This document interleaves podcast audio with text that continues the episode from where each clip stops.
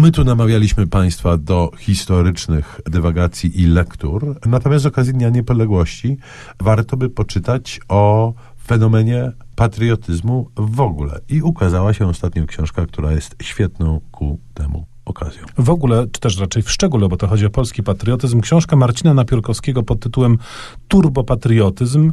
Ona ujrzała światło dzienne już y, ponad dwa miesiące temu, ale trzymaliśmy ją właśnie na dziś, bo to wyjątkowo dobra do tej lektury okazja.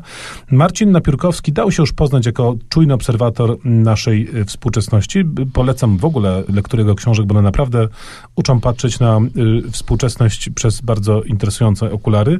Turbopatriotyzm jest refleksją na tym, co się dziś, teraz konkretnie w Polsce dzieje. Napiórkowski wprowadza rozróżnienie, taki podział na turbopatriotyzm versus soft patriotyzm. Mówiąc w skrócie, i on to kreśli we wstępie do swojej książki, soft patriotyzm, jego symbolem był ten osławiony czekoladowy orzeł i kampania Polaku nie bądź ponury, która próbowała wprowadzić nową formę celebrowania patriotyzmu z okazji 11 listopada.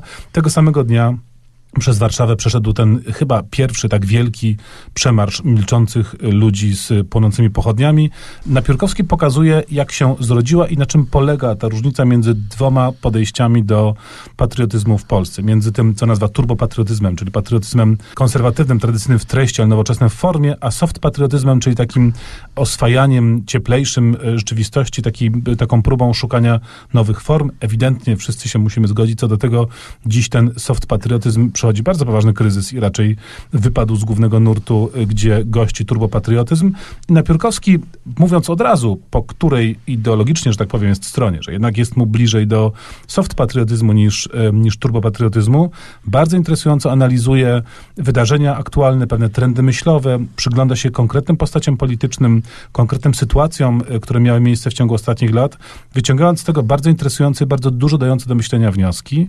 I myślę, że to jest taka książka, no, dużo się mówi o jakimś, nie wiem, pojednaniu narodowym i zakopywaniu, y, zakopywaniu dziur, to średnio wychodzi średnio wyjść może.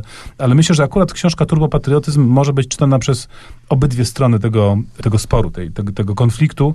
Nie ma to innego jak naukowiec, który patrzy na rzeczywistość przy pomocy naukowych narzędzi. Naprawdę Turbopatriotyzm Napiórkowskiego jest lekturą absolutnie polecaną dla wszystkich, którzy współczesnością polską jakoś się poważnie interesują. Wynikałoby z tego, że jest popyt na rynku na trzecią możliwość, na jakiś alter patriotyzm. Zobaczymy, może coś takiego w przyszłości się wykluje. Póki co wykluwa nam się muzyka. Jeśli turbopatriotyzm to jest e, nowoczesna forma i stara treść, to tutaj mamy muzykę też jakoś tam turbo, czyli starą muzykę w nowej formie. Aranżacja Włodka Pawlika, bardzo dobrze znanego utworu Stanisława Moniuszki.